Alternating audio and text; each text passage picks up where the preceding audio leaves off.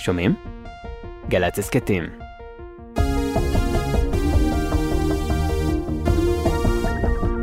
מאות צוותי חילוץ מרחבי העולם עושים את דרכם לטורקיה וסוריה בניסיון להשתלט על ההשלכות העצומות של רעידות האדמה, שם נראה שייקח עוד זמן רב לקום מהאסון שמחה משפחות שלמות. הסיפורים והרגעים האנושיים שמאחורי הנתונים, בכתבה של שחר קנוטובסקי. יונוס קאיה וארוסתו גולצ'ין מהעיר קרמן מרה שבדרום טורקיה היו אמורים להינשא בעוד חודשיים. הכל היה מוכן, ואז הגיעה רעידת האדמה הקטלנית השבוע, שגרמה למותה של גולצ'ין.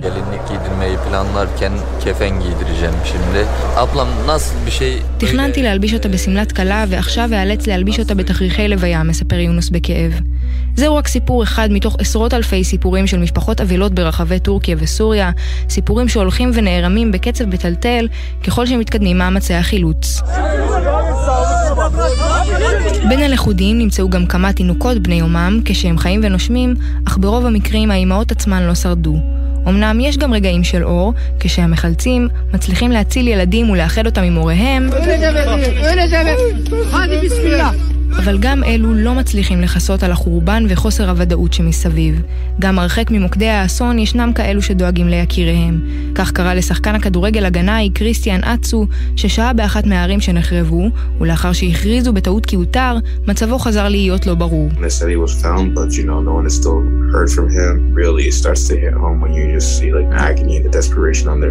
אמרו שהוא נמצא, אבל אף אחד עדיין לא שמע ממנו, מעדכן סם אדקוגבה שמשחק לצידו. זה מחלחל כשאתה רואה את הייסורים והייאוש על פני המשפחות. ובצד השני של ההריסות, האנשים הלכודים עושים כל שביכולתם כדי לגרום למחלצים לאתר אותם. למרות הקריסה הנרחבת של האינטרנט, טוויטר, טיק טוק ואינסטגרם הוצפו בסרטונים שנשלחו מתוך החושך והלכלוך. אני מצלם את הסרטון הזה כשאני לא יודע אם אצא מפה בחיים, מספר לעוקביו דואר מסוריה. אנחנו תקועים פה מתחת להריסות ואני שומע את השכנים שלי קוראים לעזרה. העולם כולו נחלץ לעזרה בהתמודדות עם אסון הטבע הזה, אבל ניכר שעולמם של תושבי טורקיה וסוריה לא יחזור להיות כפי שהיה.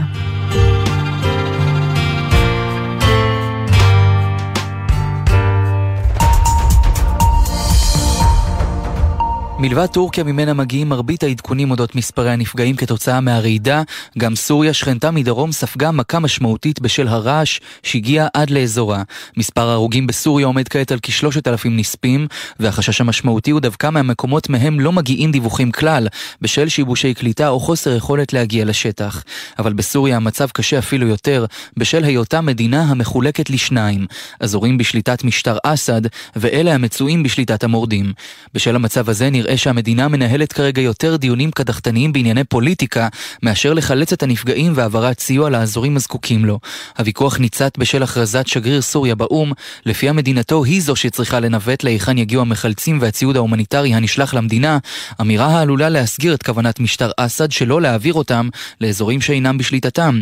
ובזמן הזה עוד מיליוני בני אדם הזקוקים לחילוץ בצפון סוריה, עדיין לכודים מתחת להריסות.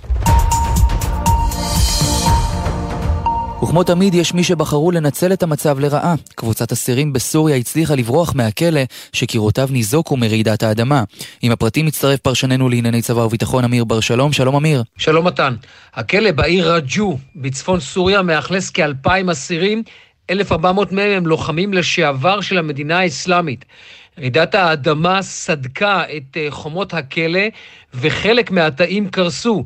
20 אסירים, כולם כנראה מארגון המדינה האסלאמית, הצליחו להימלט מהכלא, ועדיין לא ברור אם הם חצו את הגבול לטורקיה, שנמצאת מרחק עשרה קילומטרים משם. שאר האסירים ניצלו את הבהלה והכאוס והשתלטו על חלקים של הכלא. בינתיים, ככל הנראה, הוא חזר לשליטה מלאה.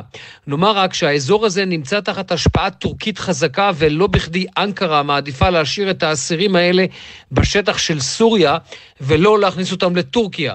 המדינה האסלאמית נמצאת בחודשים האחרונים בתהליך איטי של התאוששות, במיוחד באזורים שונים בסוריה ועיראק. וזה מדאיג מאוד את המדינות שפועלות באזור, מארצות הברית ועד איראן, אבל לא מדובר בממדי השליטה של 2011, אלא בינתיים רק בהתקפות טרור ממוקדות. רעידות האדמה שהיכו בטורקיה וסוריה בימים האחרונים חריגות בעוצמתן, אך בעולם מתרחשות עשרות אלפי רעידות אדמה בשנה. רבות מהן קטנות מכדי שיהיה אפשר להרגיש אפילו. כתבת הסביבה ענבר פייבל, איך בעצם נוצרות רעידות אדמה? שלום מתן. טורקיה כבר ידעה בעברה כמה רעידות אדמה קשות, והסיבה היא המיקום שלה. אבל קודם נתחיל מלמה מתרחשות רעידות אדמה. מתחת לפני האדמה ולאוקיינוסים משתרעים תשעה משטחים עצומים שנעים בקצב איטי מאוד, הלוחות הטקטוניים. רעידות אדמה מתרחשות לרוב באזורי החיכוך בין הלוחות הללו. התנועה התמידית שמתרחשת ביניהם עלולה להיתקל בהתנגדות שגורמת להצטברות של מתח בין הלוחות הדפוסים זה בזה. אם ההתנגדות משתחררת בפתאומיות, המתח הרב שנצבר בין הלוחות עלול להרעיד את הלוחות הטקטוניים סביבו בגלי אנרגיה עוצמתיים. רעידות האדמה החזקות ביותר בכדור הארץ מתרחשות לאורך גבולות הלוחות הללו. אבל למה דווקא טורקיה, ובכלל האזור שלנו, מועד לפורענות? לפני 25 מיליון שנה, האדמה רעדה באזור המזרח התיכון. הלוח הטקטוני שעליו יבשת אפריקה החל להתרחק מלוח יבשת אסיה. התנועה המנוגדת שלהם פערה בקע באדמה, שהתעצם עד לגודלו כיום, 6,000 קילומטר לאורך ועד 20 קילומטר לרוחב. הבקע הסורי-אפריקני, שסובב את ישראל. זה בדיוק האזור עליו אנחנו יושבים, וגם השכנים שלנו, מטורקיה ומסוריה. וכהרגלנו נסיים את זמננו הקצר יחד עם אנקדוטה מוזיקלית. ובשינוי אווירה השבוע הגיע לשיאו הערב הגדול של תעשיית המוזיקה הבינלאומית, טקס פרסי הגרמי ה-65. הערב הזה הוא איך לא בסימן ביונסה ששברה את השיא עם הכי הרבה זכיות בגרמי בכל הזמנים, אבל את הפרס הגדול של הערב, אלבום השנה, דווקא לא היא כתבה.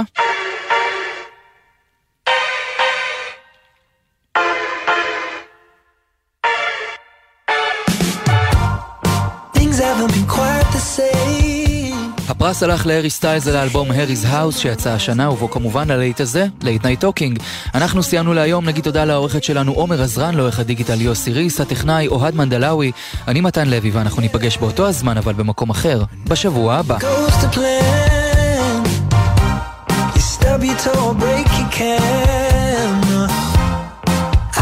Everything I can to help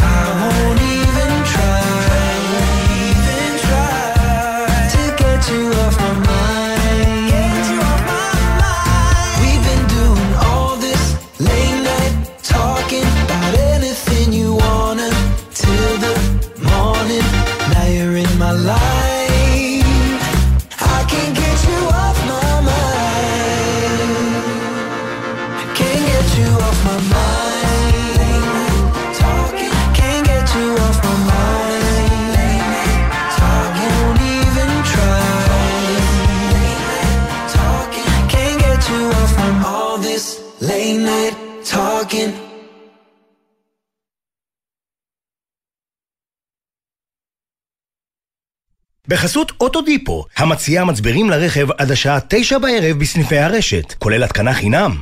כי אין סיבה לשרוף את שישי במוסך. אוטודיפו.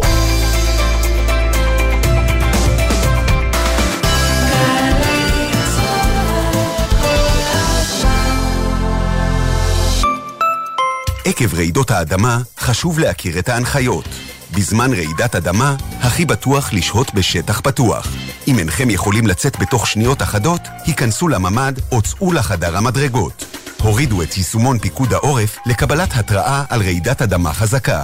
מגישים ועדת ההיגוי הבין-משרדית להיערכות לרעידות אדמה, רשות החירום הלאומית, משטרת ישראל ופיקוד העורף. אוניברסיטת בר אילן גאה להשפיע, להשמיע, להניע, להשקיע, להפתיע. מה אתם צריכים לעשות? רק להגיע. יום פתוח, עשרה בפברואר, יום שישי, אוניברסיטת בר אילן. אוניברסיטה הצומחת במספר הסטודנטים בחמש השנים האחרונות. חפשו אותנו בגוגל. יום פתוח, עשרה בפברואר. זו אותה הנסיעה הביתה, בשכונת המגורים או בדרך לבית הספר. אבל בחורף נוהגים אחרת. הורים, כדי להגן על ילדיכם ברכב, במקרה של עצירה פתאומית או תאונה, רצועות מושב הבטיחות חייבות להיות הדוקות לגופם. גם בחורף שומרים על ילדינו וחוגרים אותם כשאינם לבושים מעילים וסוודרים עבים. הרלב"ד, מחויבים לאנשים שבדרך. שלום, כאן יואב גינאי. המוסיקה ברדיו גרמה לי להבין מגמות בחברה שלנו. הסרט האחרון שראיתי בקולנוע לימד אותי על הכלכלה שלנו. והצגת התיאטרון האחרונה שעלתה לחצה לי על הנקודות הכי בוערות במדינה. כי זוהי תרבות, המראה הכי חדה לחיים שלנו. ולכן, בכל שישי בבוקר אני שואל, מה יהיה בתרבות? מה יהיה עם יואב גינאי, מחר, תשע בבוקר, גלי צה"ל. בכל חמישי בחצות. שלום לך, שחר אמנו. לילה טוב, בן, מה המצב? זה הזמן. במזרחית. בן פראג' ושחר אמנו מארחים את אומני הזמר המזרחי המובילים. לילה טוב לאורח שלנו דוד זיגמן, ישי לוי, יוסי גיספן, שגיב כהן, חיים מוליאל, סמי לזבי. עם מוזיקה שמזכירה נשכחות והשיחות אל תוך הלילה. מי מגילה את זוהר? עכשיו הזמן במזרחית, הלילה בחצות, גלי צה"ל. שלום, אחינועם בר פה. מחקרים מראים שאדם מרגיש 13 סוגי רגשות כשהוא שומע מוזיקה. אני חושבת שאני מרגישה יותר. בואו איתי לשעה של שיטוט מוזיקלית, גדוש במוזיקה מכאן ומשם, חדשה וישנה, מרימה וממוטטת, שתגרום לכם להרגיש את כל הרגשות, יחד. ליקוטים עם אחינועם בר, מגזין מוזיקה חדש מפה ומשם. חמישי, תשע בערב, ובכל זמן שתרצו, באתר וביישומון גלי צה"ל. אתם עם גלי צה"ל. הורידו את יישומון גל"צ וגלגלצ.